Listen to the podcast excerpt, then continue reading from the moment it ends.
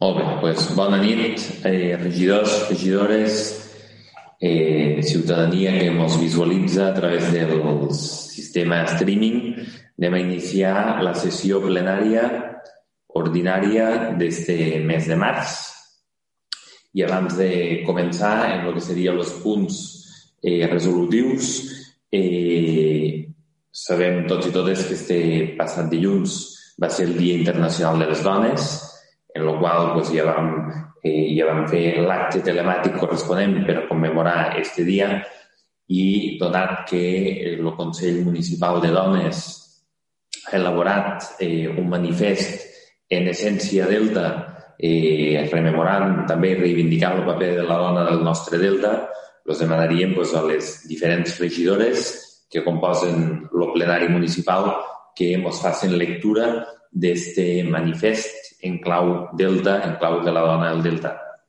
Però abans també, abans també eh, hem sabut fa uns, una estona eh, el traspàs d'una dona de 54 anys del nostre municipi que ja fa moltes setmanes que estava, que estava ingressada al, pel malaurat eh, Covid que des de finals de gener doncs, los afectava i que el dia 1 de febrer, quan van decidir doncs, en la seva parella eh, casar-se, que va sortir també a les xarxes socials, tots i totes doncs, vam, vam contagiar-los d'aquella bona, bona energia no? que ens van transmetre eh, quan vam saber pues, que moments abans de sedar-se, tant l'home com la dona eh, havien decidit contraure matrimoni i tots nosaltres pues, vam no, eh, desitjar pues, una pronta recuperació. Esta tarda pues, hem sabut que Carme Jaumot, malauradament, la filla de Cristobalina, després d'uns mesos de morir també la seva mare, aquí pues, tot el poble en general també se l'estimava molt, ha traspassat i jo el que us demanaria a tots i a totes pues, és que puguem fer, com ha sigut ara fa uns moments, i també doncs, és una mort molt sentida que poguéssim fer un minut de silenci abans de la lectura del manifest.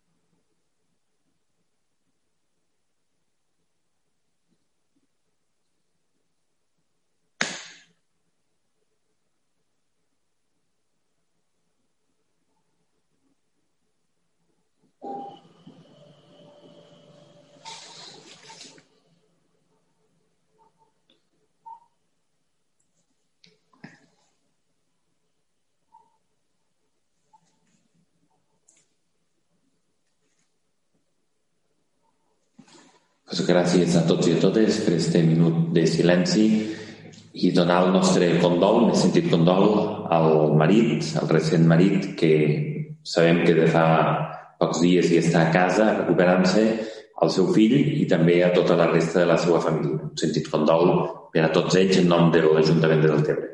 I ara sí, eh, faríem i passaríem la paraula a les diferents regidores per tal que puguin fer lectura del manifest del 8 de març.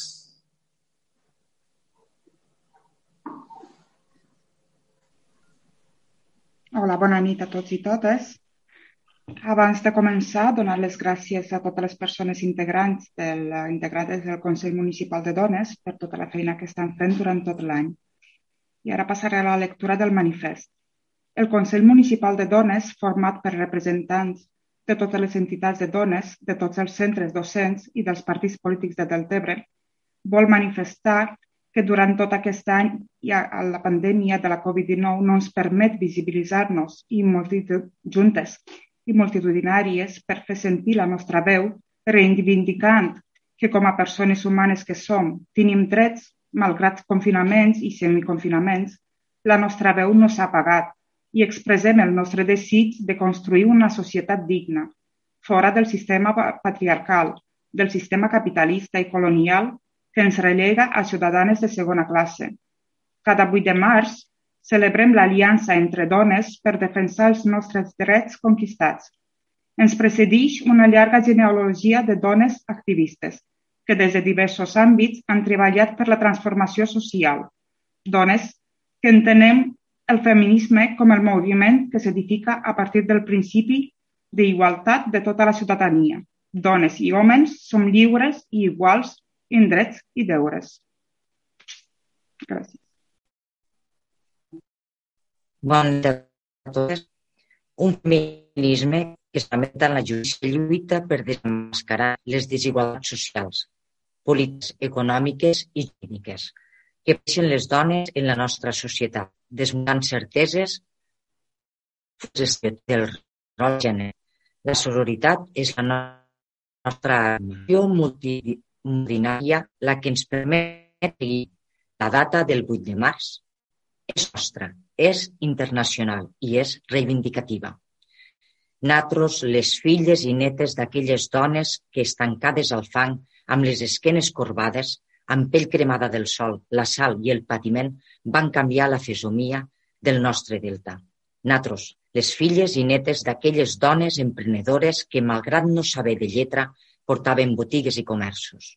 Natros, les filles i netes de les dones que amb pocs recursos tiraven endavant les famílies.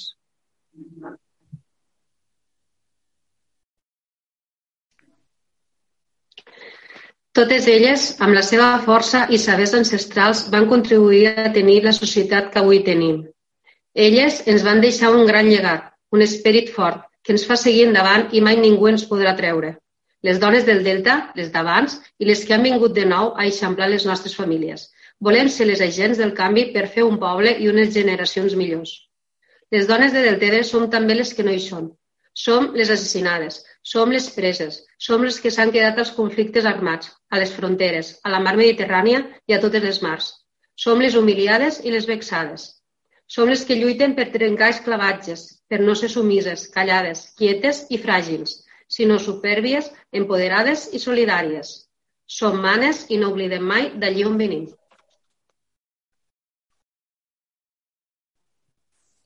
Bona nit a tothom. La pandèmia del Covid-19 ha posat en relleu un cop més i de forma especialment punyent les greus discriminacions que la nostra societat encara exerceix sistemàticament sobre nosaltres les dones. Durant el confinament érem majoritàriament nosaltres les persones que ens ocupaven de manera principal en exclusiva de les tasques domèstiques, tot i que la nostra presència en les ocupacions de primera línia era majoritària, en la producció d'aliments, en cadenes de producció industrial i artesà, en la venda de productes bàsics, en personal de neteja, en personal de serveis socials, en personal de residències per a gent gran i en personal sanitari i farmacèutic. Els hàbits patriarcals la distribució dels usos del temps en les tasques per al sosteniment de la vida no ha significat una corresponsabilitat. Els estereotips encara són ben arrelats en l'imaginari dels homes. Les dones continuem dedicant entre dos i tres cops més de temps a les tasques domèstiques i de cura, i això va en detriment de la nostra carrera professional i del nostre temps de lleure i de formació, que hauria de ser exactament igual d'important que el dels homes, i a més minva la nostra salut i el nostre benestar. L'actual pandèmia de la Covid-19, a més de la crisi sanitària, està greujat per la crisi política, social laboral i de drets civils. Ha posat de manifest l'escassa protecció social del sector primari, del sistema de cures i sostenibilitat de la vida, desvaloritzat a tots els nivells pel fet que qui el portem a terme som les dones. Volem pobles i comunitats que acompanyin tots els cicles de les nostres vides i en tinguin cura. Les dones grans, per la seva saviesa i suport, mereixen tots els drets per assolir un envelliment digne amb afectes i agraïments. Volem pensions dignes i igualitàries per a totes, amb ple reconeixement dels treballs de cures, de les feines agràries, ramaderes i pesqueres, i xarxes comunitàries autogestionades de cures. I també volem una societat que permeti que les dones joves accedeixin al treball remunerat, digne i que puguen desenvolupar projectes de vida en futur. és també el moment de recordar que durant el confinament es va greujar manifestament la situació de tensió derivada de totes les formes de violència masclista, a conseqüència de la convivència obligada i continuada de les dones amb els seus agressors. Homes que per perpetuar privilegis empren la força encara que això sigui la més vergonyosa violació dels drets humans. Les persones que formem el Consell Municipal de Dones de Deltebre continuarem lluitant per aconseguir una societat totalment equitativa i inclusiva per a les dones, perquè cap espai de relació social se'n rebutja si no tenim l'aspecte o la imatge normativa i farem front a qualsevol llei que no reconegui plenament els nostres drets.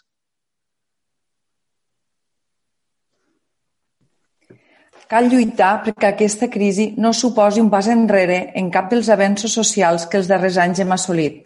La igualtat de tots els drets humans de les dones en relació amb els homes. Dret al treball, a una corresponsabilitat efectiva i paritària, drets sexuals i reproductius, dret a la igualtat en la presa de decisions, dret a la salut i a una societat lliure de violències masclistes, totes les institucions i agents socials han d'esmerçar-se perquè, més que mai, s'incorpori la mirada de gènere i interseccional en les polítiques públiques i en l'aplicació de tots els projectes de recuperació i protecció social que caldrà desplegar els anys vinents. Natros, les hereves de les dones de fang, denunciem la passivitat i inacció dels organismes i institucions davant la regressió del Delta de l'Ebre i l'emergència climàtica, que atenta greument contra les bases socioeconòmiques i la supervivència de cada vida única, biològica i sociocultural de les persones i de cada ésser viu del nostre delta. Denunciem la invisibilització i la desvaloració dels processos de sosteniment de la vida i dels cicles naturals de la Terra. Les activitats de sosteniment de la vida han estat considerades de segon ordre, però les dones sabem que això no és cert. La proximitat i l'amor cap a l'objecte de cura proporciona el desenvolupament dels sistemes de solidaritat i de joia de viure. Per aquesta raó, les dones, com a gestores del consum i com a promotores de conductes que faciliten l'adaptació del sistema humà al medi ambient, en som expertes. Les dones, que donem i estimem la vida, alcem el nostre crit i demanem a totes les dones del Delta que ens unim per recuperar maternalment la vida recuperem la força de les dones. Som coneixedores, usuàries, afectades, productores i consumidores de recursos naturals. Som expertes en els valors comunitaris. Fem-lo servir per un desenvolupament sostenible i per defensar el nostre delta. Si estimem a qui cuidem, estimem i cuidem el nostre delta, perquè nosaltres som delta. I fem sentir la nostra veu arreu. Juntes som més i més fortes.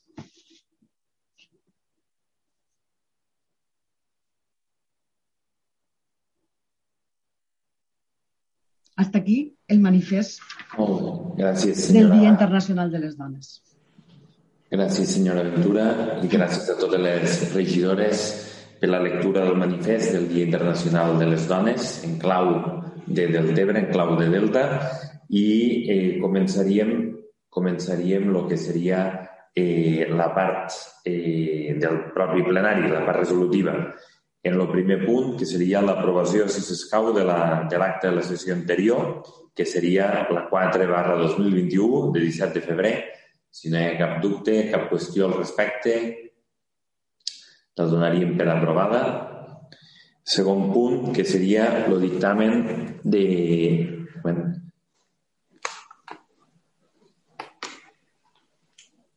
el segon punt, que seria el dictamen el dictamen de proposta d'aprovació del conveni de cooperació horitzontal dels ajuntaments de Deltebre, Sant Jaume d'Enveja, Camarles i l'Ampolla per a la regulació de la contractació del servei de producció de comunicació audiovisual per al servei públic de comunicació audiovisual. En qualsevol cas, eh, li passaria la paraula al regidor de comunicacions i tinent d'alcaldia eh, per a que faci l'explicació de la proposta de conveni.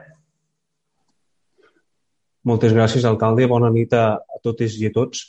Pues, tal com diu este punt de l'ordre del dia, este conveni interadministratiu, un conveni de formalisme que formalitzem entre els diferents municipis del Delta, en aquest cas doncs, del municipi del Tebre, de Sant Jaume, de Camarles i de l'Ampolla, en la voluntat ferma i, i de tots els ajuntaments de poder fer un projecte potent, un projecte potent a nivell de comunicatiu de tot, de tot el Delta.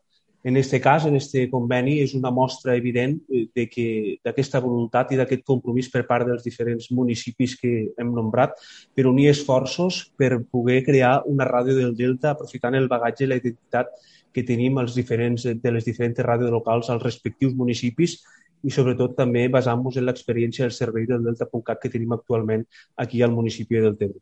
Això ens suposa unir en aquest aspecte els municipis i per poder formalitzar aquest conveni de cooperació horitzontal com un pas previ per poder eh, treure a licitació i licitar el contracte del servei de producció audiovisual. Eh, en aquest cas també volem recordar que aproximadament fa eh, dos, anys, dos anys i mig, eh, des d'aquí l'Ajuntament del TV, don, donàvem el tret de sortida i posàvem en marxa aquest projecte eh, del Delta.cat. I avui, pues, eh, després d'aquests dos anys i mig d'experiència i que ha començat i que ha engegat aquest eh, projecte i que ja està consolidat i, i en bon camí, volem aprofitar i volem eh, fer més gran el nostre projecte i fer-lo de tots i totes, i en aquest cas doncs, molt especialment entre tots els municipis que formem, que formem el Delta. L'aposta principal doncs, és la unió d'aquestes diferents ràdios municipals, un projecte que, del Delta.cat que el volem fer més fort i més, i més competent a nivell de territori, a nivell de Delta, per, per, per així també formant un altaveu comú per donar a conèixer la nostra realitat i posar en valor el nostre fer i, sobretot, la nostra manera de saber-lo comunicar. Per tant, aquest conveni que passem aquesta nit com a formalisme, tal com dia al principi, en la voluntat existent d'aquests municipis de Deltebre, de Sant Jaume, Camarres i l'Ampolla per poder engegar aquest projecte, aquest potent projecte de comunicació a nivell de Delta a nivell de territori. Gràcies. Gràcies, eh, senyor Serra, per l'explicació del conveni eh, del Delta.cat i en qualsevol cas eh, passaríem si hi ha alguna intervenció al respecte. Senyor Ferrer? Senyor Ginet? Sí, gràcies. Bona nit, alcalde i regidores i regidors. Eh, permetem, senyor alcalde, que abans d'intervindre abans en aquest punt me sume les paraules que vostè ha dit al principi de, de condol a, a la família de, de Carme i que lamentem el traspàs eh, i tot el que ella ha representat. I, per tant, també m'ho sumem en este, en este condol. Avui del Tebre eh, està trist. I també volíem, eh, ahir ho vam fer ahir de tarda davant de l'Ajuntament, la, crec que també era oportú avui tindre presents eh, els exiliats i exiliades, concretament els tres eurodiputats que el, eh, que el Parlament de Catalunya, que el Parlament Europeu, perdó, els ha retirat la, la seva immunitat, eh, Carles Puigdemont, eh, la, la, la Ponsatí i i el Toni Comín i també els presos i preses polítics que també ahir, eh, casualitats de la vida, els van retirar eh, el tercer grau. Tindré eh, este record per totes elles i ells. Entrant en matèria, el que volem fer com a grup eh, municipal d'Esquerra és eh, agrair la feina que, que s'ha fet des de l'Ajuntament de Deltebre com a coordinació i aglutinador d'esta proposta de conveni. Creiem que és una proposta positiva, creiem que obri la porta a futures i possibles col·laboracions en els municipis veïns del nostre delta. Per tant, agrair i felicitar el, el regidor de Comunicacions, Carlos Serra, pel treball, per la feina que s'ha fet en aquest sentit. Crec que obre l'oportunitat a expandir moltes de les accions que fem com a Ajuntament i, per tant, és una molt bona notícia i la, que no tinc cap dubte que sortirà guanyant tothom. Sortirem guanyant nosaltres com a Deltebre, però també la resta de pobles veïns eh, que a la vegada són veïns i germans i que, per tant, compartim moltes coses. Moltes gràcies i el nostre vot serà favorable. Molt bé, gràcies senyor Ginet eh, per, la, per, la, per la intervenció i també no, per la referència a la concentració que ahir la tarda vam fer com la resta de, de places de les ciutats i pobles del nostre país en defensa pues, dels exiliats, exiliades i dels presos i preses polítics per aquesta injustícia que estem vivint. En qualsevol cas, gràcies per la referència eh, i continuarem no, des del Tebre treballant per la llibertat, tal com ahir vam tornar a penjar a la façana de l'Ajuntament eh, la pancarta i l'estelada de l'anel d'estat de, propi. Molt bé, doncs passem a votació del punt eh, segon, que seria el conveni de col·laboració horitzontal, de cooperació horitzontal pel Delta.cat entre l'Ajuntament de Deltebre, de Sant Jaume, de Camarles i de l'Ampolla. Senyor Ferrer. A favor, a favor. Molt bé. Senyor Ginet. A favor. Senyor Curto. A favor. Molt bé, doncs entenc aprovat per unanimitat. Ara passaríem a l'àrea de Deltebre Projecció. Deltebre Projecció, subàrea d'ensenyament, tercer punt, dictamen de proposta d'aprovació de la zonificació escolar de P3 del curs 21-22. Eh, té la paraula novament el regidor, en aquest cas d'ensenyament, i tinent d'alcaldia. Gràcies, alcalde. En este punt, pues, tal com dia, aquest dictamen de proposta de zonificació escolar, ja sabeu com tots els anys, eh, per aquest plenari del mes de març, pues, passem aquesta nova zonificació que serà la que portarà l'organització i el funcionament per a aquests nous alumnes que començaran P3 als diferents, eh, als diferents escoles el proper curs, el 2021-22, i tal pues, com ja fa molts anys que al nostre municipi treballem aquesta zonificació escolar eh, per mitjà d'aquest procés en què hi ha pues, un estudi previ eh, entre els, diferents, eh, entre els diferents directors de les escoles en què ens posem en situació en tots aquells alumnes del padró municipal que començaran aquest proper curs. Concretament estem parlant de 78 empadronats al nostre municipi nascuts l'any 2018 que hauran de cursar el curs de P3 el proper, el proper curs. El que es fem en aquest dictamen és presentar aquesta proposta de zonificació que tal com ja està treballada i consensuada per diferents, eh, pels diferents directors dels centres educatius i també en aquest cas aprovada pel Consell Escolar Municipal, en què pues, eh, distribuïm eh, de manera objectiva aquests, eh, aquests alumnats segons el seu punt de residència i segons l'empadronament municipal que tenen al municipi. Ja sabeu que el municipi del nostre del Tebre és un municipi extens i en aquest cas pues, per la zonificació escolar diferenciem tres zones ben diferenciades. Tenim una zona 1 que correspon a l'escola de Rio Mar, que en aquest cas pues, anirà situat des de la zona de la cooperativa de vivendes fins al carrer Sant Miquel, Camí del Futbol, Ramon i Cajal, Avinguda Goles de l'Ebre i Benavent, i l'escola tindrà assignada una línia que correspondrà en un total de 21 alumnes. Després tenim una zona 2, en aquest cas la zona més, més, que aglutina més alumnat, i per això la les, estem parlant de l'escola Sant Miquel, en què tindrà dues línies en què correspondran, eh, en aquest cas anirà des del carrer Sant Miquel, Camí del Futbol, Ramon i Cajal, Avinguda Goles de l'Ebre i Benavent, fins a l'Avinguda 1 d'Octubre, Ulldecona, Lleida, Robert Graupera, Diputació i Verge del Camp. Tal com dia, l'escola tindrà dues línies en què seran de 17 i 18 alumnes. I per últim, tenim a la zona de Jesumaria, la zona 3, que correspon a l'escola de l'Assumpció, que anirà des de l'Avinguda 1 d'Octubre, Ulldecona, Lleida, Robert Graupera, Diputació, Verge del Carme, fins al carrer Amposta. L'escola de l'Assumpció té proposada una línia en què serà de 22 alumnes. Per tant, aquesta distribució d'aquests 78 alumnes que començaran P3 el proper curs, al setembre d'aquest any, i el que passem, doncs, tal com diem, aquesta proposta de zonificació per tal que la poguéssim aprovar i a posteriori poder notificar al Departament d'Ensenyament aquesta, al Departament d'Educació aquesta, aquesta planificació per a que ens autoritzi per a que les famílies ja el proper dilluns, des del 15 al 24 de març, puguem fer la prescripció als diferents centres educatius. Moltes gràcies. Moltes gràcies, eh, senyor Serra, per l'explicació i, en qualsevol cas, alguna paraula demanada? Pues passem a votació. Senyor Ferrer. A favor. Senyor Ginet. A favor. Senyor Curto. A favor. Pues queda aprovat per unanimitat també el dictamen de proposta d'aprovació de la zonificació escolar per al curs 21-22. I ara passaríem, dintre de l'àrea del tema projecció, a la regidoria de sector primari. Quart punt, dictamen de proposta d'aprovació inicial del reglament dels horts socials i el banc de terres de l'Ajuntament de Deltebre. En aquest cas té la paraula el tinent d'alcaldia de Deltebre Actiu i regidor de sector primari. Senyor Bartomeu, com vulgui. Gràcies, alcalde. Bona nit a totes i a tots.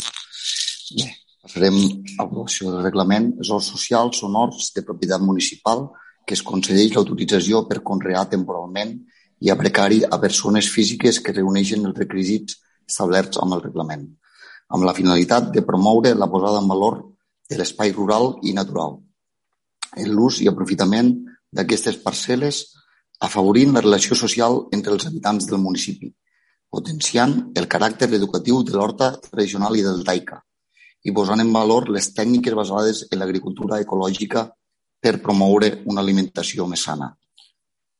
Tindrem un model d'instància per registrar des de l'Ajuntament, un cop oberta la convocatòria, i també es farà pública el llistat de les persones adjudicatàries i de la llista d'espera, que es farà públic a través de la web de l'Ajuntament. Les autoritzacions tindran una durada d'un any fins a un màxim de quatre anys prorrogables. Només es podran presentar els usuaris majors d'edat. Totes les millores realitzades a les parcel·les es quedaran en propietat de l'Ajuntament i es valoraran els diferents criteris com poden ser prioritzar la gent jove, residents al municipi, prioritzar la incorporació de dones, persones en situació a l'atur, persones en famílies nombroses i monoparentals, projectes que busquin un valor afegit a la productivitat prioritzar explotacions familiars i petits operadors, prioritzar sistemes de gestió sostenibles, diversificació de conreus o prioritzar sol·licitants que incorporen pràctiques en relació al manteniment i conservació de la biodiversitat. Prioritzar els sol·licitants que realitzen bones pràctiques en relació a la gestió millora d'eficiència en l'aprofitament dels recursos naturals i energètics, i així, etc. El que fa el Banc de Terres és una eina totalment diferent. El Banc de Terres és per fomentar l'entesa entre ofertants i demandants que arriba per arribar a mutu acords per conrear les terres i facilitar a totes aquelles persones que a hores d'ara tenen problemes per mantenir les, les seves parcel·les en condicions òptimes i al mateix temps millorar l'imatge de poble que tant ens agrada a tots. L'Ajuntament ha creat un model de sol·licitud ja per ofertants com també per demandants i un cop registrades les bases a la base de dades, en el cas de que hi hagi un mutu acord, l'Ajuntament els facilitarà una còpia d'un model de contracte per formalitzar la seva entesa. Gràcies, Molt bé. Gràcies, senyor Tomeu, per l'explicació de l'aprovació inicial del reglament. Alguna paraula demanada? pues passaríem a votació. Senyor Ferrer. A favor. Senyor Ginet. A favor. Senyor Curto. A favor. Molt bé. Pues donaríem per aprovat el punt quart i passaríem al punt cinquè, que seria la proposta d'alcaldia per tal de sol·licitar al govern de l'Estat que iniciï els tràmits per tal que l'Ajuntament de Deltebre pugui gestionar la finca de Bombita. En aquest cas, eh, també té la paraula per a presentar la proposta, eh, donant, la, la, donant la conformitat en el que seria la inclusió d'ordre del dia eh, el propi regidor de sector primari. Senyor Bertomeu, com vulgui. Senyor alcalde, la finca de Bombita és un espai de biodiversitat singular de més de 500 hectàrees ubicada en el cor capital del Delta de l'Ebre.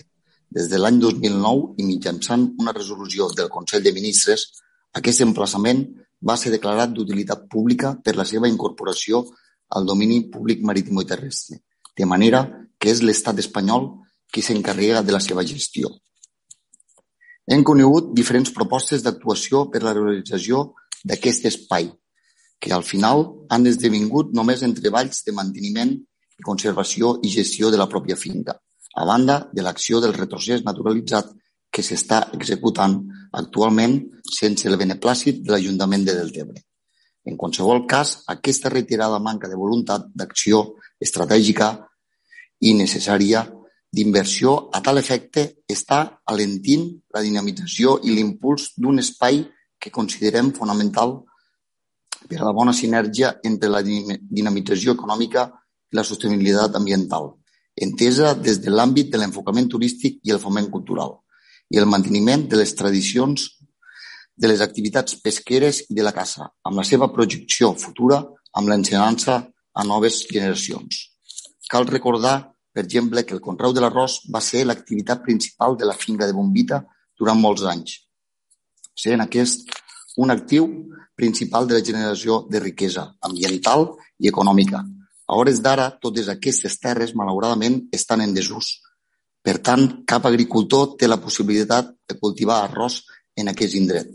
Un greuge que s'accentua encara més si tenim en compte l'actual context econòmic marcat per la incertesa del Covid-19 i la necessitat de cercar noves oportunitats per als joves del municipi. Però aquest greuge també es podria exemplificar en l'ús del propi equipament restringit actualment a l'accés puntual per part de la ciutadania i que podria esdevenir, per exemple, com a seu i museu de projecció de la cultura i de la tradició del nostre Delta de l'Ebre, posant en relleu totes les ensenyances i els valors dels nostres avantpassats, que descriuen la nostra manera de fer i la nostra manera de ser. En aquest sentit, des de l'Ajuntament de Deltebre venim reclamant en diferents converses amb representants de l'Estat que la gestió de l'immoble, així com la de la pròpia finca, es transfereixi al mateix Ajuntament. Des de l'ens municipal defensem amb determinació la i generositat la legítima reivindicació de la titularitat de la finca de Bombita i de la seva gestió. No ens podem conformar amb ser gestors ambientals de l'espai, tot, i, tot i que, de fet, ja ho som, amb, amb l'àmplia conjunta, amb, perdó, amb conjunta de, dels regants, pescadors, caçadors, havent estat agents imprescindibles per mantenir la finca en condicions òptimes. D'aquesta forma es facilitarà la seva dinamització econòmica, turística, cultural, mediambiental, pesquera i cinegètica mitjançant una estratègia concertada entre els diferents actors que ja intervenen del municipi, en aquesta mateixa línia, l'Ajuntament advoca una gestió conjunta i directa de la pròpia finca amb la Societat de Caçadors Sant Miquel de la Cava per garantir els seus valors ambientals com s'ha vingut fent històricament i fins al moment. Per tot l'exposat, es proposa al plenari l'aprovació dels següents acords. Sol·licitar al govern de l'estat espanyol que inici els tràmits per tal de que l'Ajuntament del Tebre pugui gestionar la finca de Bombita.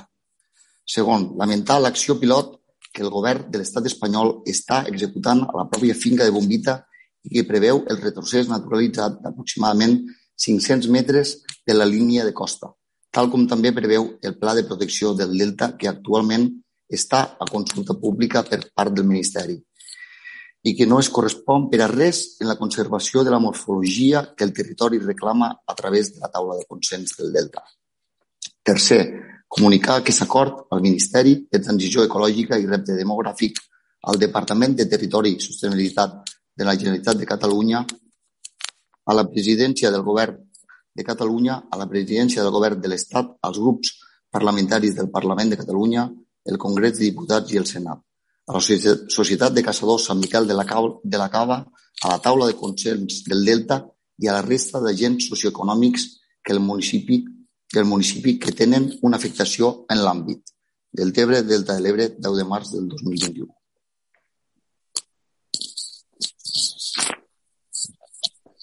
Molt bé, pues gràcies, eh, senyor Tomeu, per la lectura de la proposta. Eh, alguna intervenció al respecte? Bon, senyor Ferrer. Gràcies, senyor alcalde.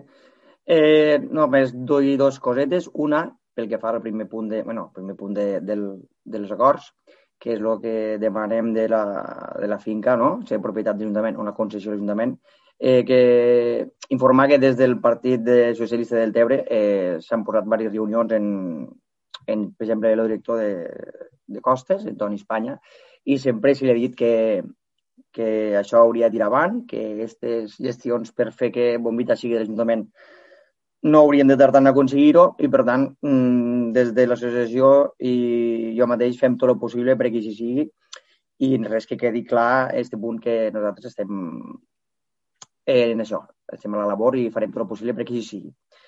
I després, bueno, eh, pel que fa a una altra part de la moció, el segon acord, doncs, bueno, eh, he intentat arribar a un acord per modificar la, la proposta de l'alcaldia ha sigut impossible. I llavors, doncs, bueno, davant la impossibilitat de negociar i arribar a un acord amb l'equip de govern, doncs, bueno, el meu vot serà abstenció. Però queda clar que estic totalment d'acord amb el primer punt i així seguirem lluitant perquè Bombita sigui del Tebre. Molt bé, gràcies senyor Ferrer. Si vol, eh, podem votar per separat-lo per un primer i un segon. Si prefereix votar eh, per manifestar el vot diferent. Eh, normalment sempre votem en global les propostes i les mocions, quasi sempre ho hem fet així. No serà una excepció aquesta nit, tot i que és veritat que el senyor eh, regidor Andreu Curto m'ho ha transmès d'esta manera. Ja li he dit que si havien de votar per separat els punts, doncs ja també he dit que podíem presentar dues mocions separades. Però me mantinc en el vot general de la proposta d'alcaldia i serà abstenció, senyor alcalde. Gràcies. Bon, gràcies. Senyor Ginet. Sí, gràcies, alcalde. Bona nit de nou.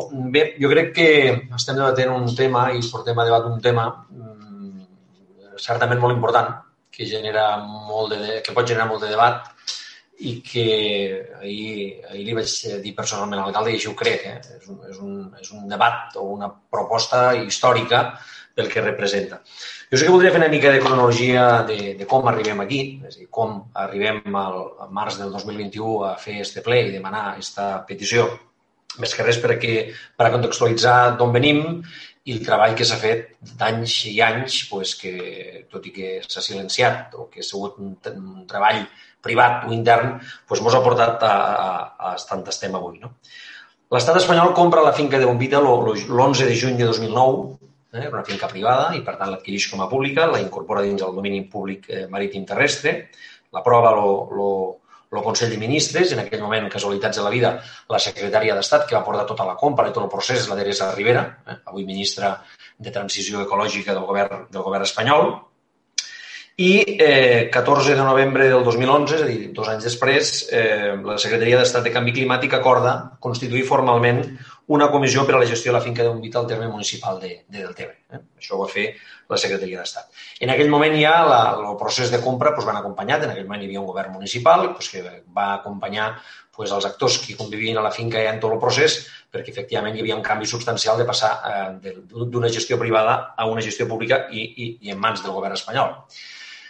Si valorem aquella primera etapa de govern socialista que va fer la compra, mm, va fer la compra i poca cosa més. Eh? Va posar una mica damunt de la taula mm, poques intencions i certament pues, eh, li va arribar el temps, va arribar el canvi electoral, va entrar el PP l'any 2012-2013 i efectivament el govern del Partit Popular sí que no va fer absolutament res per la finca. Eh?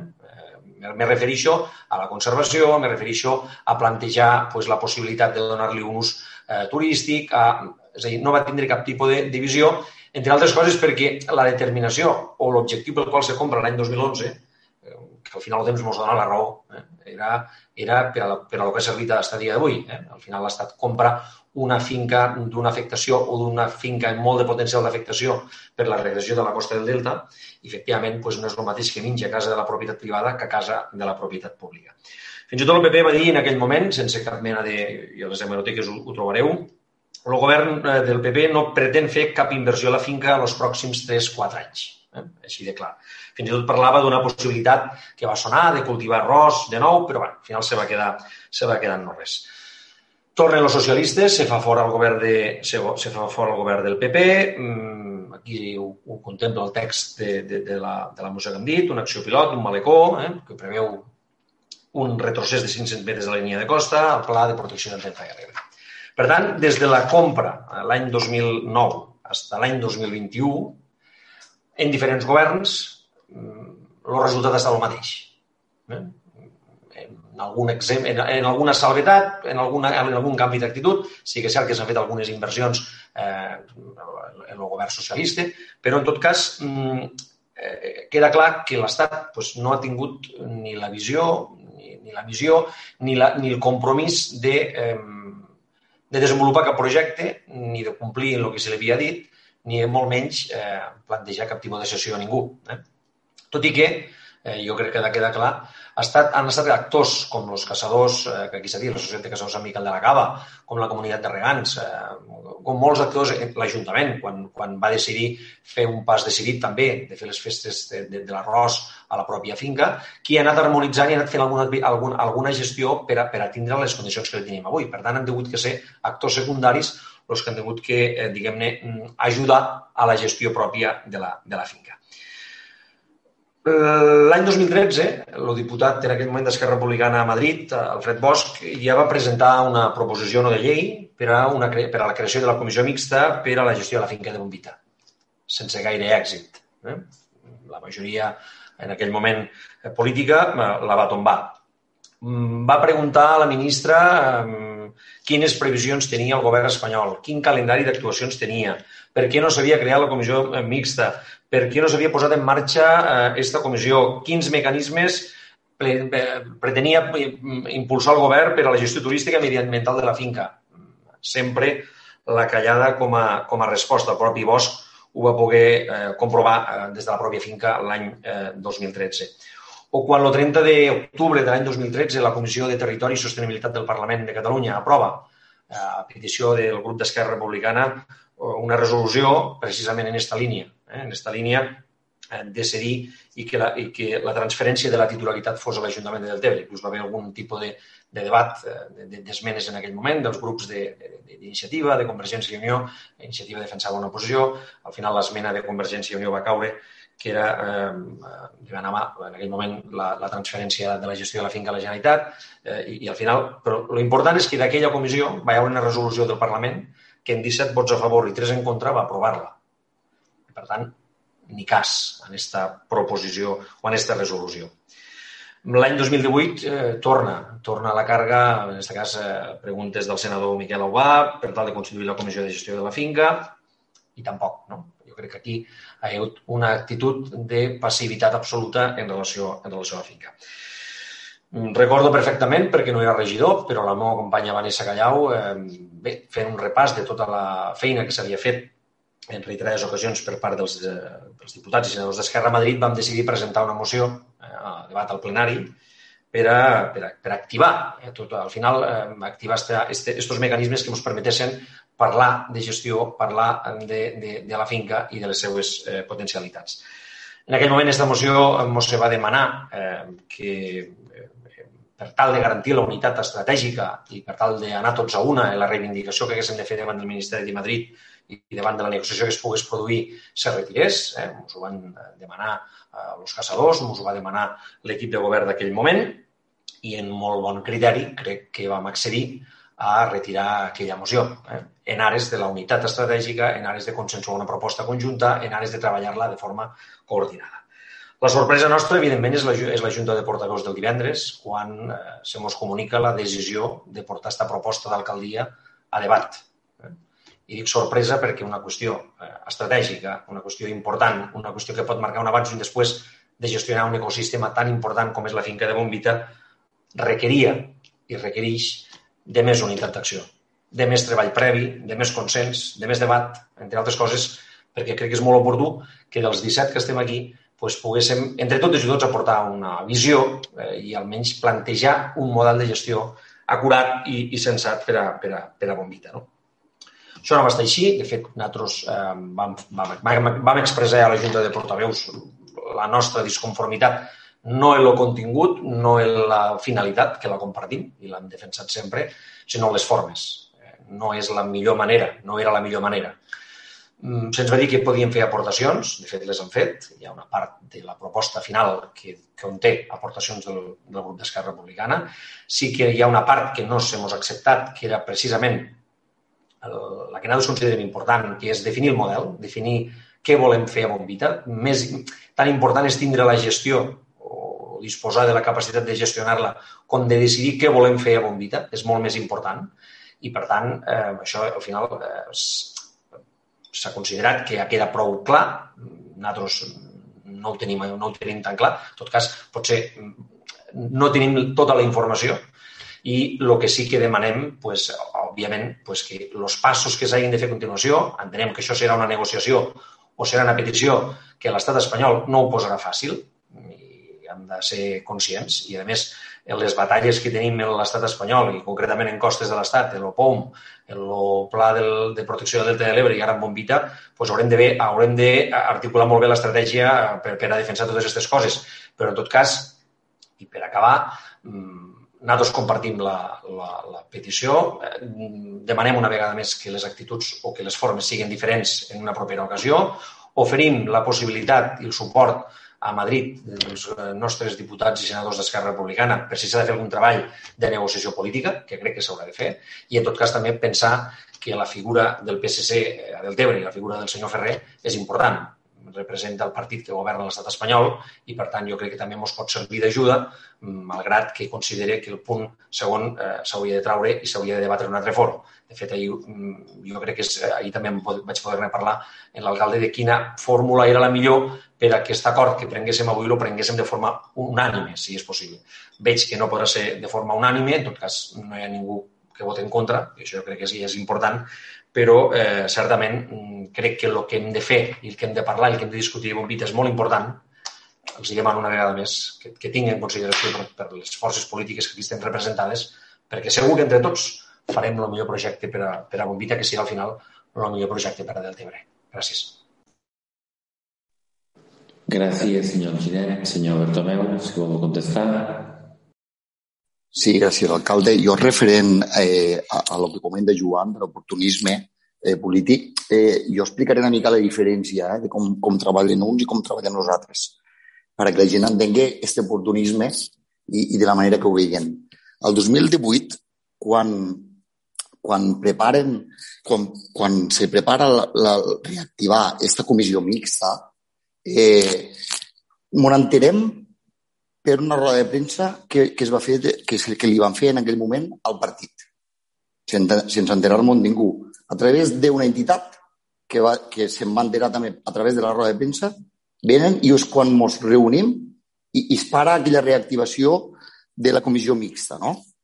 En aquell moment. Això va ser les formes eh, que parlem ara. Llavors, les formes nostres són que quatre dies abans de preparar la proposta d'alcaldia us avisem en Junta de Portaveus per a que ho la miréssiu i féssiu les aportacions que feien falta. Veieu la diferència? No avisar ningú i avisar quatre dies abans perquè, hi, perquè es puguin abordar eh, les aportacions que feien falta que vagin vinculades i lligades a aquesta línia. El que fa la comissió mixta, allò ja es va, ja es va, va, se va posar en debat en aquell moment, no? I, i després sentia la roda de premsa que, que, que, que vau fer ahir, crec que va ser ahir, no? I hi ha un punt on diu que dies, en aquest moment, Joan, dius que, i per tant, requereix que la unitat dels actors possibles que han conviscut durant molts anys allí en aquella finca de Bombita. El 2018 no es va tindre en compte a ningú. Mires la proposta que fa l'Ajuntament, a la, a la proposta d'alcaldia, hi ha un punt on diu D'aquesta forma es facilitarà la seva dinamització econòmica, turística, cultural, mediambiental, pesquera i cinegètica mitjançant una estratègia concertada entre els diferents actors que ja intervenen del municipi. Aquí els incloem tots. Allà no se n'inclou cap, no es parla amb ningú, no s'assessora ningú, només que directe, premsa i, i nota de premsa. Aquí s'inclou a tots. Vale? Això són les, les diferències. I pel que fa a la comissió mixta, la diferència de la comissió mixta d'aquell moment que es volia reactivar, que allò era un suïcidi, era de que s'havia gestionat la finca de Bombita eh, reactivant aquesta comissió mixta, en la qual de 10 representants, l'Ajuntament, aproximadament entre 10 o 11 representants, l'Ajuntament només tenien vot. I tots aquests actors que fa un, fa un dia, dies que eren tan importants, incloure's a tots i que hem de pensar en tots, no tenien ni vot ni paraula. Llavors, jo, eh, la veritat és que no, no entenc res ja, perquè estem parlant de dues coses totalment diferents. Què se li demana a l'Estat? Que l'Ajuntament gestioni la finca Bombita, ja sigui l'immoble com la pròpia finca. Això vol dir que de la comissió mixta que vosaltres proposàveu, que de 10 representants només hi havia un vot i que les societats de caçadors, pescadors i tots només tenien veu i no tenien vot, passe a que únicament depengui tot i exclusivament de l'Ajuntament del Tebre. Això són dues coses totalment diferents. Llavors, jo crec que aquí és impossible que pugui haver una entesa per les dues parts. Pel que fa eh, lamentar el malecó de l'actual malecó del retrocés, pues és normal. L'Ajuntament, en aquest cas, l'equip de govern, ja ens vam reunir diferents vegades en, en l'Estat i el que li vam demanar moltíssimes vegades és recréixer el malecó de la mar que va des de la bomba del pal fins a la bassa de acabant al conjunt. Un malecó que durant molts anys ens ha fet de protecció, de burladero, per protegir-nos de tots els temporals. Però, al final, no se va escoltar i es va voler fer 500 metres més atrás. El lema que diu l'Unió de Pagesos i que tothom compartim és ni un pas atrás i ara on anem 500 metres atrás. Llavors, és normal que manifestéssim aquesta inquietud, no? I lamentéssim aquesta acció. Llavors, jo no sé si és que tu també estàs d'acord en, en que retrocedís que el malecó este 500 metres atrás. Un malecó de 3 metres d'altura i al voltant de, de 3 o 4 metres d'amplada. Imagina't si marquem això a tot el perímetre del, del, de l'Ebre. No, no sé quina imatge donarem turísticament. No sé si al final eh, retrocedir estos 500 metres del malecó eh, resultarà que la gent, eh, pensem una cosa, si la mar entra per detrás de la finca bombita, la platja s'acabarà a les bombes de pal i continuarà a la, a la bassa d'arena. No s'enllaçarà per detrás la finca, perquè jo no crec que la gent se fiqui a, a prendre el sol dins dels camps de les Rossols. Llavors, eh, no sé eh, en què refereix aquests punts i, i este debat que, que, que vol traure, però ja et dic que les formes intentem ser les més correctes i compartir i incloure tot el que ens heu aportat, sempre siguin en la línia del que pensem. Molt bé. Senyor, crec que el senyor Ferrer també demana la paraula, però estem, en tot cas, eh, té alguna al·lusió, senyor Ferrer, que vulgui fer referència? Perquè el torn eh, de ha passat. Eh, com m'ha fet il·lusió, pues li contesto. Eh, primer que tot, les formes, jo sempre he sigut correcte. Jo no sé, Joan, si he sigut correcte no, però jo sempre he sigut les formes correcte, però vosaltres en mi no.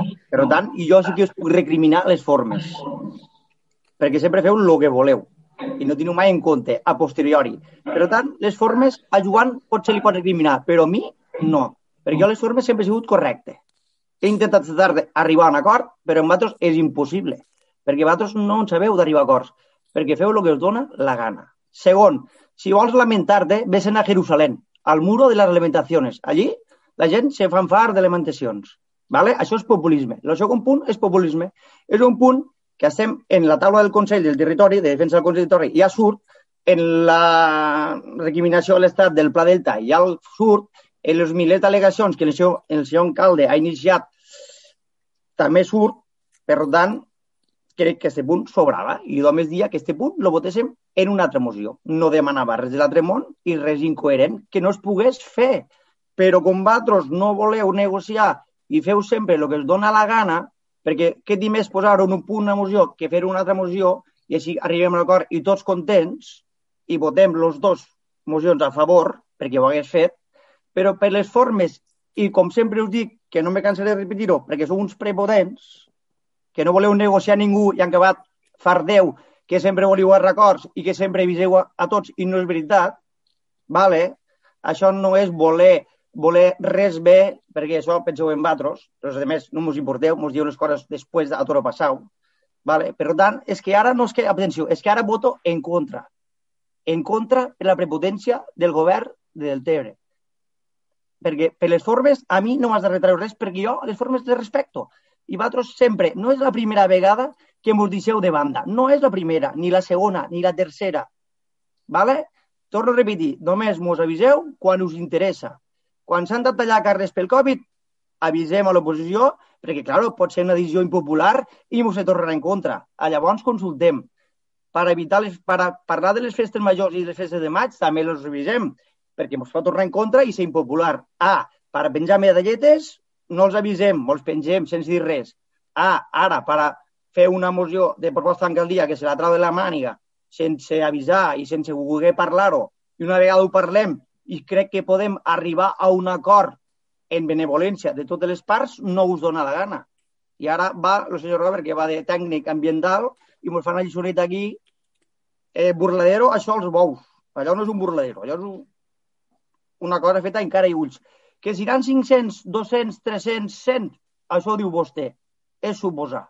És una prova pilot que fa l'Estat dins de la seva propietat, que pot fer el que li doni la gana dins la seva propietat, estirà d'acord o no estirà d'acord, però, dit això, crec que sobre el punt no ha volgut mm, elevar-lo i, i ja està, sense més i menys, pues ara era eh, abstenció, ara en contra. Però no per res, eh, que recordo, torno a repetir que jo lluitaré perquè Bombita sigui municipal, ho tinc claríssim.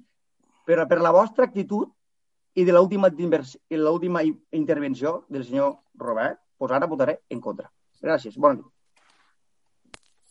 Gràcies, senyor Leix, per les al·lusions eh, a les que ha fet referència. Senyor Ginet, si vol contestar, que també havia demanat la paraula. Sí, eh, gràcies, alcalde. Lamento que de votar en contra, perquè crec que un vot en contra no és positiu per a, per a tot el que hem de defensar. Eh, senyor Robert, és la seva, és la seva perspectiva. Eh? Jo, jo la respecto com, com crec que el que hem de fer és treballar de forma conjunta i anar a defensar-la de forma unitària a tots, eh, en tota la força. Eh? Eh, és com tot, eh? És, eh, evidentment, potser l'any 2018 les formes nostres no van ser les correctes i per això la vam retirar la moció. Eh, la diferència és que un quan s'equivoca o quan comet un error ha de ser humil de reconèixer-lo. I en aquell moment ens podien tantes les ganes, no contra vostès, això no és contra vostès, és contra un estat que pren uns acords i que després no els complix. I per tant vam considerar que si el que havíem fet era tan greu i la moció que anàvem a, a plantejar era tan dolenta i era un suïcidi, com vostè ha dit, doncs, evidentment, l'últim que volem és que el nostre poble s'autosuïcide. El temps també ens donarà la raó o no del que fem esta nit. Eh? No sabem si això serà un suïcidi o serà un tiro al peu o no ho sabem. També ens ho dirà el temps, la, la, la, ens ho dirà el temps, eh? la, la, la gestió que haguéssim de fer. En tot cas, el fet de que demanàvem en aquell moment de constituir la comissió mixta no era entesa per la comissió mixta en la composició que, eh, que va fer el govern espanyol en aquell moment. Perquè la composició que, que la, la resolució del, la resolució que, per la qual se crea aquesta comissió mixta, eh, que és del 14 de novembre del 2011, tampoc no va tindre cap, en compte cap dels actors. La va prendre l'Estat i, per tant, era obvi que si, eh, entre altres coses, eh, el que defensa o el que defensàvem en aquell moment i es va, i es va expressar. I després també, home, si vostè creu que jo eh, hagués acceptat la comissió mixta que plantejaven eh, que plantejava l'any 2011 la ministra Rivera, doncs poc me coneix, perquè, perquè certament era una proposta eh, que era discutible, era un primer pas. Era un primer pas, però evidentment des d'una altra lògica, entre altres coses perquè Esquerra Republicana no anirà a Madrid a defensar eh, comissions mixtes els quals l'Estat tingui eh, la potestat. En tot cas, eh, li recordo la resolució del Parlament de Catalunya del 30 d'octubre de l'any 2013. En este, en este sentit. Eh, si la pot recuperar. I al final és això. Jo no, no vull entrar en polèmica. Jo crec que aquí el que hem de fer és unitat, eh, traçar una estratègia conjunta, la necessitarem, hem d'anar a Madrid, això l'Estat ho entendrà com ho entendrà mm, i el que hem de fer és eh, treballar de forma coordinada, res més. Eh, la qüestió de formes és com tot. Eh, mire, doncs, evidentment, segur, segur, i això jo crec que... Mire, jo faig l'esforç moltes vegades d'empatitzar amb els meus adversaris polítics. D'empatitzar. És a dir, abans de jutjar una decisió o una acció, intento empatitzar l'altre. Els asseguro que va molt bé a la política, a l'àmbit professional, a la vida. Intento empatitzar els altres Poses vostè al lloc d'Esquerra Republicana o al lloc meu. Què hagués dit vostè esta nit aquí?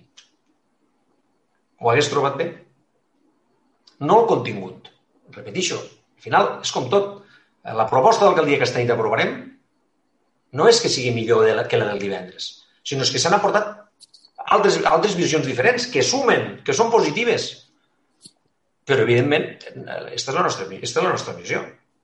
Per això estem aquí, per això representem els vots que representem. La diferència del 2018 i la diferència del 2021. Però, repetixo, sense cap acritud. És un tema molt important. No hem de perdre esforços en batalles. Hem d'anar una. I, per tant, una vegada més, el grup d'Esquerra Republicana es posa a la vostra disposició per a tot el que faci falta. Gràcies.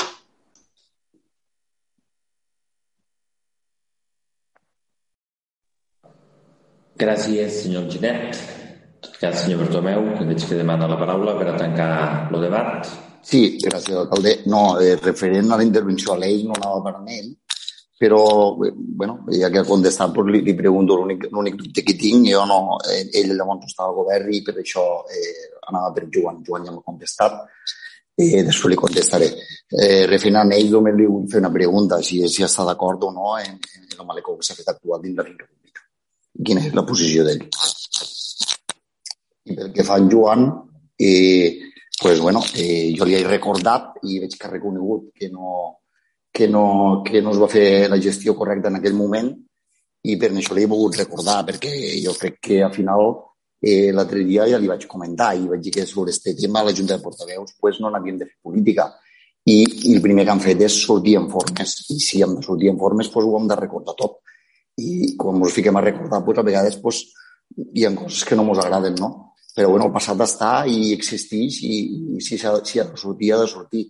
Jo ja et dic que és un tema que com més pront eh, s'avançarà millor i haurem de treballar conjuntament tots i crec que és un bé per al poble i que s'ha de gestionar d'una manera que després d'aquí uns anys, governi qui governi, eh, la ciutadania pugui comptar en aquella finca com sempre ho ha fet. Gràcies, senyor Bartomeu. Senyor Ferrer, per al·lusions, si vol. Eh, no, simplement que a la pregunta que m'ha fet el senyor Robert ja he contestat, si ha estat atent. Li he contestat les dues coses però faré un, un senyor Castro. Faré un, un senyor Castro. Eh, li contestaré al pròxim ple perquè ara no tinc les dades. Eh, me trau una altra moció sobre el segon punt i li diré el que penso. Senyor Ginet. I gràcies. M'havia deixat de respondre una, una qüestió que també va fer el senyor eh, Robert en relació al malecó. Eh, la meva posició és que estic totalment en contra d'esta acció del govern de l'Estat a la finca de Bombita. Eh, meua i en nom del grup. Molt bé, doncs gràcies a tots per les vostres intervencions i en qualsevol cas també eh, un petit detall que ens hem deixat eh, quan el senyor Ginet explicava tota la història de la finca Bombita en tots els repàs no, de l'acció d'Esquerra Republicana, que em sembla bé, però que no entrem cadascú als diferents espais, eh, però sí que crec que és de justícia també com a Ajuntament del Tebre, sense menys tenir en cap cas no, les inversions que els diferents mandats del Partit Socialista han fet o han pogut fer o estan fent, no? que el cap de costes actual, més enllà de l'acció del malecó, que no compartim, tot el més eh, ho valorem, eh, però també és evident que s'ha deixat eh, ficar en relleu pues, que la primera vegada que es va entrar a la finca de Bombita per a actes públics va ser a partir des que vam entrar a l'alcaldia del Tebre en el senyor Alfons Forts, funcionari municipal de l'Ajuntament del Tebre, que en el seu moment era cap de costes de l'Estat i que en el mandat on el senyor Forts va ser cap de costes de l'Estat d'inversions a l'immoble de Bombita se'n van fer. Per tant, no són únics els que es fan ara o els que es van fer en altres èpoques, sinó que eh, també vull reconèixer la funció que va fer el senyor Forts al capdavant del, de costes de l'Estat en les inversions de Bombita i que van permetre que poguéssim entrar a Bombita, sense mencionar, com dic, les que s'estan fent ara, independentment del tema de malecó, del malecó que no compartim i per això ho hem denunciat a la moció, a la proposta. En tot cas, passem a votació. Senyor Ferrer. En contra. Senyor Ginet. A favor. Senyor Curto. Favor. Pues, per tant, s'entén eh, la proposta número 5 eh, aprovada. I ara passaríem a l'àrea de Deltebre Actiu, eh, regidoria de teixit associatiu i eh, per a defensar el sisè punt, que és el dictamen de proposta d'aprovació del calendari d'actes i festes del 2021, li tornaríem a passar la paraula al tinent d'alcaldia del Tebre Actiu, Robert Bertomeu. Gràcies, alcalde. Sí, passarem el punt del calendari d'actes de festes 2021. Un calendari on estan marcades totes les activitats, actes i festes previstes per l'Ajuntament de l'Ebre i també per part de les entitats i associacions del municipi. Amb l'objectiu principal de la creació d'aquest calendari és, per una part, que es puguin ordenar i estructurar a nivell logístic i operatiu tots aquells actes realitzats al nostre municipi i que s'organitzen des de l'Ajuntament de Deltebre com també per part de les entitats i associacions. Donar les gràcies a totes les entitats i associacions per col·laborar amb aquest calendari, amb aquesta creació d'aquest calendari i amb el moment d'incertesa que ens estem trobant. Estem i estarem al costat de totes les entitats per fer i refer les vegades que faci falta aquest calendari, amb un únic objectiu que és vetllar per la seguretat de tots els ciutadans del municipi de Deltebre i elaborar un calendari d'actes participatiu. Un calendari que marca el ritme festiu, cultural, turístic i esportiu. Molt gràcies, senyor Bertomeu. Alguna paraula demanada? pues en tot cas eh, passaríem a votació. Senyor Ferrer. A favor. Senyor Ginet. Senyor Curto. A favor. Pues s'entén també aprovat per unanimitat un calendari d'actes pues, que serà provisional en funció de la situació eh, que, estem, eh, que estirem vivint.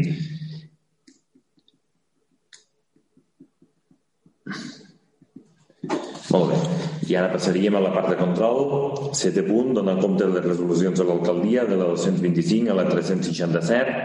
Vuitè punt, informes d'alcaldia eh, que vam informar doncs, que estan a disposició quatre models d'al·legacions que vam ficar, que vam eh, presentar el passat divendres a la reunió prèvia al Consell de Defensa del Tebre Territori i que eh, hi ha temps eh, fins a principis, eh, fins a finals de març, eh, per tal de poder presentar observacions o al·legacions en aquest plan de protecció del Delta eh, que està a consulta pública actualment i que si es necessita assistència per part de l'Ajuntament o de qualsevol de les entitats que s'han implicat, doncs a la seva disposició dels ciutadans i ciutadanes de Deltebre per a que tothom pugui eh, mostrar la seva posició davant d'aquest plan de protecció eh, del Delta de l'Ebre. I eh, com a nove punt, proposicions urgents no n'hi ha. Desè punt, control dels òrgans de la corporació, pregs i preguntes. Senyor Ferrer. Hola, bona nit. Gràcies. Eh, només una pregunta per al senyor regidor Lucas. Eh, ja vaig comentar una vegada, no sé si crec que era en ell, que va fa poc vau, vau ficar un carregador elèctric de cotxes a l'Ajuntament i un altre al Riu Mar, no? És així. Llavors, eh, jo crec que s'ha començat la taulada pel revés. Jo crec que s'hagués de posat a, al centre al centre urbà, un carregador d'elèctric al centre urbà, ja que si tant volem potenciar l'economia dels nostres comerços i potenciar, com bé dieu, eh, crec que s'havia d'haver començat per allí ja que és una invitació a que sí. Sé que n'hi ha pocs no, de cotxes elèctrics encara, però bueno, sé que és una invitació que la gent pues, bueno, fa, la fas anar al centre del poble a, a carregar allí i crec que se tenia d'haver començat per allí. No si, si té previst ficar-ne, si no, crec que va dir algo de ficar-ne una al centre de la cava i una a Jumaria, però crec que era més important ficar-lo al centre comercial de la cava que pas a l'Ajuntament o al Riu Mar. Perquè interessa que la gent vagi del Riu Mar sí, però que també vagi el poble. I si té el carregador del poble, doncs, ja que estan aquí, carreguen, compren. Simplement era això, perquè no es va optar primer per, per ficar el carregador elèctric al centre comercial per dinamitzar una mica més.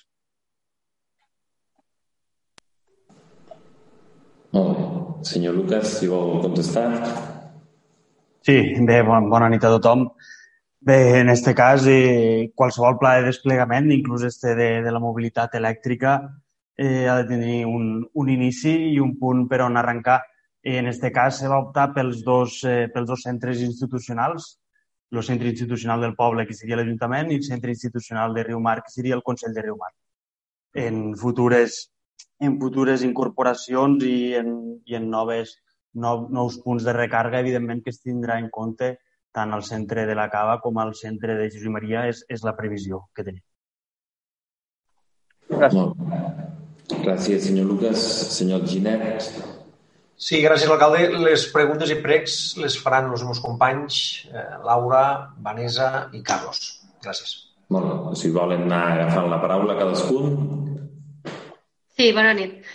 A veure, jo tinc unes preguntes. Eh, voldria preguntar sobre l'arranjament del carrer 1 d'octubre. Si se'n recorden, a l'octubre del 2019 vam presentar una moció que també vam retirar i vam fer un prec de que es fes una senyalització pel mal estat que estan les, les aceres, sobretot per als xiquets i xiquetes que van a l'institut en bicicleta i la gent que van allí a caminant. Aquesta senyalització no, no, no l'han vist des de llavors encara, però sí que sabem que per a aquests pressupostos del 2021, tal com els van fer, hi havia una partida que s'havia fet per arreglar de manera municipal les, les aceres.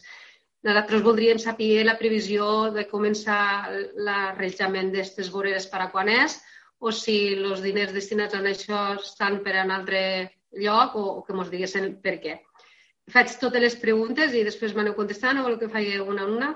Sí, sí, ho he dit ja, que totes les preguntes i les contestarem vale. totes al final com a grup polític. Després també voldria saber el, el punt 40 del Pla de Reactivació Socioeconòmic que es va aprovar l'any passat en tot això del, del Covid-19. Ens va aprovar un, el pla en 50 punts. El número 40 voldríem saber si s'han realitzat les conferències aquestes que es van ficar dirigides al jovent per fomentar l'emprenedoria. I una altra qüestió és que el passat 23 de febrer el portaveu del NAIREM, el senyor Andreu Curto, va realitzar una valoració del, del ple, del ple que havien fet al, al, al febrer al deltacat.cat i bueno, creiem que les valoracions del ple pues, haurien de fer-se per part dels portaveus de tots els grups municipals i que estés oberta a tots quan se fes alguna així més, més, més tot sol. Vale? Gràcies.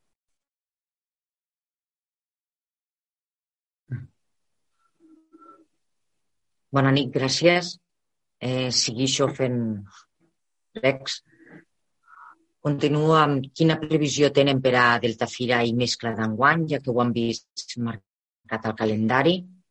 Eh, també una altra pregunta seria quina previsió tenen per tal d'elaborar i constituir els consells municipals de gent gran, de la infància i el sector primari. I al punt 37 del Pla de Reactivació Econòmica, que vam aprovar com a companya eh, Laura, amb 50 punts, vam aprovar l'elaboració d'un pla d'enfocament turístic i econòmic i com a document per a seguir enfortint i dinamitzar el que és l'economia de Deltebre. Llavors, agradaria saber en què fase es troba. Gràcies. Sí, bona nit. Continuo. Jo us agradaria que ens diguessin en quin estat se troba les la tramitació del, del POM. Les mm, qüestions també dins d'això. L'alcalde ens va dir que després de l'informe desfavorable de costes, eh, departament estaria obligat a obrir una negociació mm, i segons ens ha anat informant, eh, estos estan tancats, estan tancats eh, constantment i no, no donen opció. No sé si l'Ajuntament té previst prendre algunes mesures legals al respecte. I també sobre el POM, a l'últim ple, ens va dir l'alcalde també que s'intentaria desencallar la situació demanant a Costes un informe favorable condicionat per aprovar el POM de forma parcial i així no, no interferir en les zones que no, que no estiguin afectades. Si, si es donés el fet que Costes accepte eh, i al final del procés eh, no s'arribés a un acord o l'Ajuntament no, no acceptés les condicionants, eh, això podria donar la possibilitat a, a tirar enrere totalment l'OPOM, és a dir, tindre el de començar de nou. Eh, una segona qüestió, voldríem reiterar en la necessitat de solucionar el tema del repintat dels passos de vianants, ja que suposen perill, mala imatge i, i si ens podrien donar algun tipus de, de previsió. Hem pogut veure diversos, eh? el passatge Reinosa, el carrer Habana, l'Avinguda Esportiva, el Robert Graupera, n'hi ha molts, eh? i en zones molt transitades. I per últim, eh, hem pogut veure diverses passarel·les del Passeig del Riu que estan en males condicions, per exemple, davant del Parc del Riu, i, i creiem que seria bo fer un repàs reparar-les si és possible o senyalitzar les que estiguen en mal estat, ja que eh, tenim la Setmana Santa damunt i, i és, són fetges que, que segurament passarà molta gent. Gràcies. Bona nit. Molt bé, doncs gràcies senyora Callau, senyora Fabra i senyor Bel. I en tot cas eh, anem fent ronda a tots els regidors. Eh, que tinguen clar la resposta pues agafen, anem agafant la paraula i, i per tant comencem en qui vulgui. Senyor Lucas, aixeca la mà. Molt bé. Bé, doncs per contestar-li a Laura pel tema del, de l'arranjament de les voreres de l'1 d'octubre, eh, lo de la senyalització no estava prevista ja que apostàvem per, per lo que seria l'arranjament eh, i actualment estem en la redacció del projecte i, com ja he dit, està previst el pressupost del, del 2021 però el finançament està vinculat a préstec i subvenció, per tant, anirà en funció de, de, de la realització del préstec i l'execució de, les, de les obres.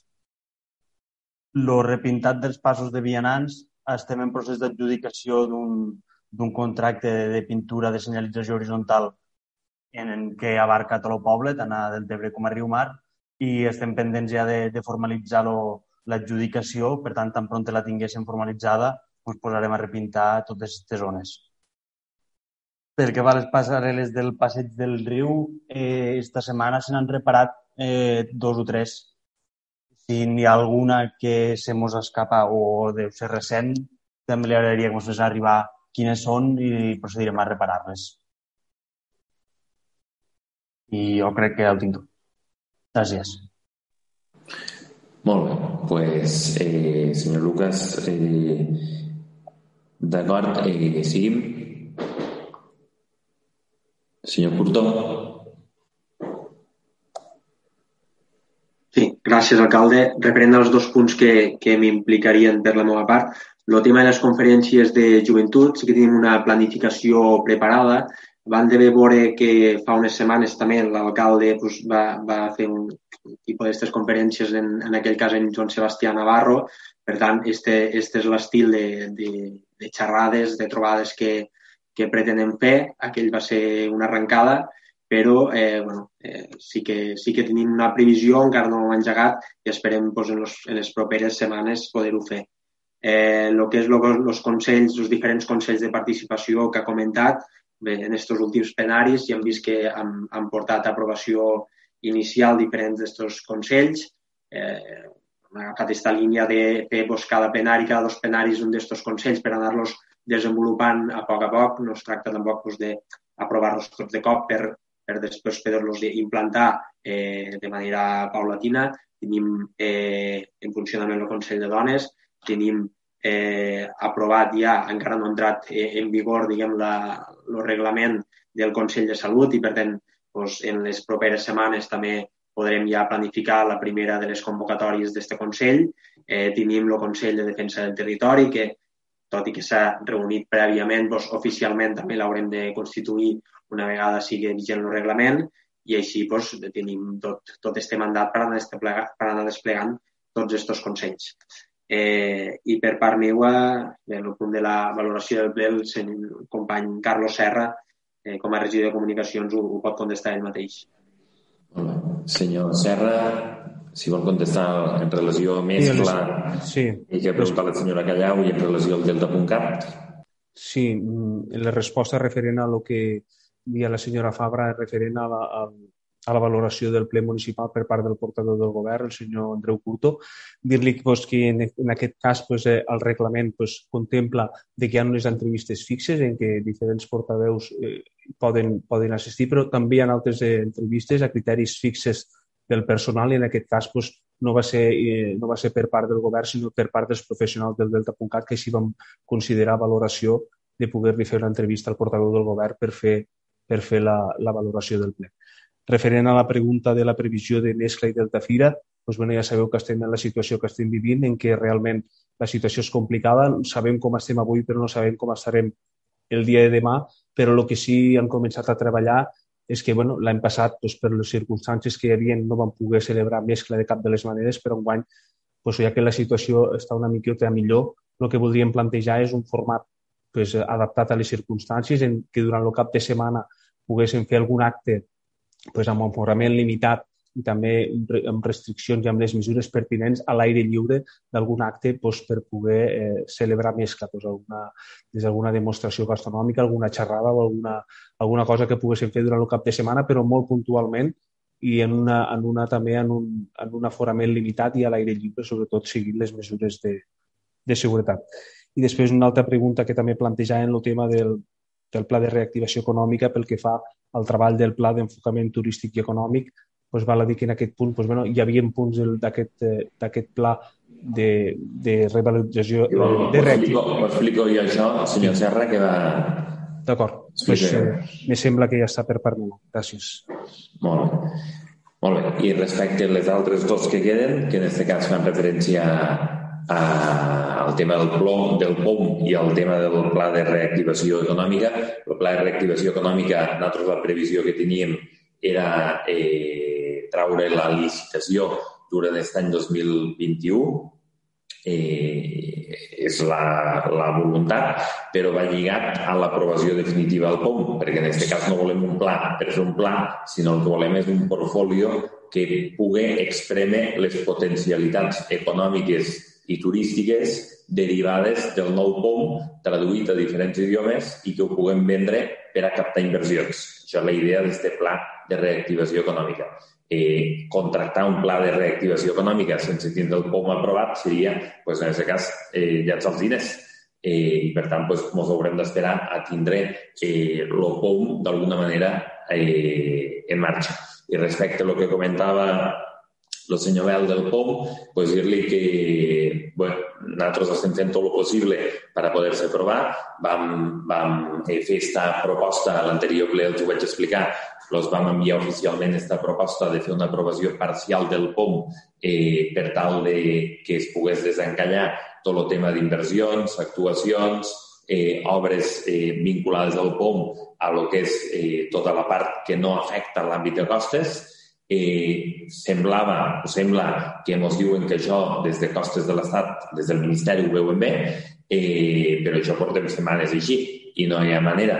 Eh, fins al punt que fins al punt que, eh, que, el, que la previsió eh, era la previsió era que el, este proper divendres o dilluns vinent eh, se convoca la Comissió d'Urbanisme de Terres de l'Ebre mensual, la Generalitat, que també al final va eh, acceptar la proposta que fèiem de l'Ajuntament i també va enviar la proposta al, a l'Estat, és a dir, la proposta d'esta aprovació parcial que, li vaig, que els vaig dir al plenari, no només l'han fet nosaltres com a Ajuntament, sinó la pròpia Generalitat. La Generalitat va fer la proposta, també, eh, també els van dir a l'Estat que ho veien bé, i en principi els van dir a la Generalitat que enviarien l'informe eh, fa, possiblement favorable condicionat eh, sobre el dia 25 de febrer eh, estem a 10 de març i encara no, no ha arribat. Nosaltres també ens van dir, jo el 25 de febrer vaig parlar amb el cap de costes, ell me va dir que havia parlat en el Ministeri, que li havien dit que havia passat a signatura l'informe. L'única cosa que que segurament pues, que l'endemà o passat, eh, el dia següent, rebríem l'informe, eh, que això seria el 26 o 27 de febrer. Eh, L'informe el 26 no va arribar, el 27 tampoc. La setmana passada vam tornar a reclamar ens va dir que ell no es podia comprometre en una data perquè a ell també li havien dit que arribaria i no havia arribat. Eh, L'única cosa és que em va dir que no estaven segurs si seria favorable condicionat o seria desfavorable altra vegada, esperant que els enviéssim el document complet i complet altra vegada en tots els canvis, tot i que els havíem, tot, en tots els canvis, el document eh, complet, que no s'entén massa tot això. Però en tot cas, en tot cas, la Generalitat a la Comissió d'Urbanisme prevista per a este divendres o dilluns eh, a l'ordre del dia ho tenia ficat perquè entenia per part de costes de l'Estat que arribaria l'informe favorable condicionat. A dia d'avui no ha arribat cap informe favorable condicionat, no ha arribat informe desfavorable i no ha arribat res. Eh, per tant, pues, seguim insistint. Des del dilluns passat, des del dilluns després de fi d'any fins avui, cada dilluns, des de Secretaria d'Alcaldia, tots els dilluns truquen a costes de l'Estat per demanar i reclamar la reunió al Ministeri, eh, la reunió per eh, continuar, en aquest cas, en una negociació efectiva. Això de la negociació efectiva no és que m'ho invente jo, sinó que ho diu la llei de, la llei de costes de l'Estat, que quan hi ha un informe desfavorable s'ha d'obrir un període de negociacions i per obrir un període de negociacions les dues parts han de tindre voluntat de voler-se assentar, però clar, no podem anar a agafar-los del coll si no es volen assentar amb nosaltres. També me consta que des de la Generalitat, des de les últimes tres setmanes, també han trucat eh, reiteradament, després d'haver fet la proposta, la pròpia Generalitat d'aprovació parcial, des de la Generalitat han trucat diferents vegades a la Direcció General de Costes de l'Estat i tampoc no se'ls han ficat al telèfon pel tema del pont de Deltebre. Cada vegada els diuen que estan reunits i que no, i que no es fiquen al telèfon. Per tant, eh, bueno, jo els explico el que hi ha i respecte a prendre mesures legals, pues, eh, bueno, és una opció, perquè la pròpia llei de costes diu el que diu. Per tant, eh, si al final lo, tot això, tot aquest procés és d'anar guanyant temps perquè es pugui aprovar el plan de protecció del Delta i un expedient de deslinde, pues, eh, clar, l'Ajuntament del Tebre haurà de salvaguardar els seus drets eh, no? i els seus drets se salvaguarden en un seguit de condicions. Per això, avui també eh, el punt segon de la proposta d'alcaldia que hem presentat abans és important. Eh, per tant, a partir d'aquí, eh, jo els aniré informant, com he fet fins ara. Esperem que pugui haver un informe favorable condicionat. Esperem que poguéssim desencallar almenys eh, la part del casc urbà i que poguéssim engegar les negociacions que marca la llei de costes eh, no per l'àmbit que no és de costes, que ens tenen bloquejat, que és el poble, sinó per l'àmbit de Riu Mar. I esperant pues, que tot això se pugui resoldre tal com la pròpia llei marca, pues, continuarem insistint. I quan la paciència ens acabarà, pues, llavors emprendrem la via, la via legal pues, que, que esperem que no haguéssim d'arribar. Gràcies. Alcalde, feia falta contestar lo del Consell de Sector Primari i referent a això és perquè el Consell de Deltebre en Defensa del Territori pues, era més prioritari i li ha passat davant. Segurament que en els propers mesos pues, eh, engegarem el que és el Consell del Sector Primari. Sí, eh, en aquest cas, tal com ha dit abans també el senyor Curtó, les, eh, no, no hem de crear més consells dels deguts per a, per a col·lapsar-nos, sinó que hem de crear paulatinament i que quan un arranca i funciona, doncs llavors no comença un altre eh, de no tindre'n cap a uns quants, doncs s'han de poder dinamitzar i treballar. Per tant, ara estem situats en el Consell de Salut i el Consell de Defensa del Tebre Territori i quan estos dos estiran constituïts i començaran a caminar com toca, doncs llavors el següent serà el Consell del Sector Primari, que és un compromís que ja teníem per a principis d'any i que han passat davant els altres, els altres dos i així anirem fent fins que creéssim tots els necessaris i imprescindibles per a mantenir l'equilibri de la feina que es fa també del dia a dia i no només anar fent consells. Eh, en tot cas, eh, fins aquí les eh, respostes. Per tant, gràcies a totes i a tots per les seues aportacions, reflexions i opinions i votacions i s'aixeca la sessió. Bona nit a tots.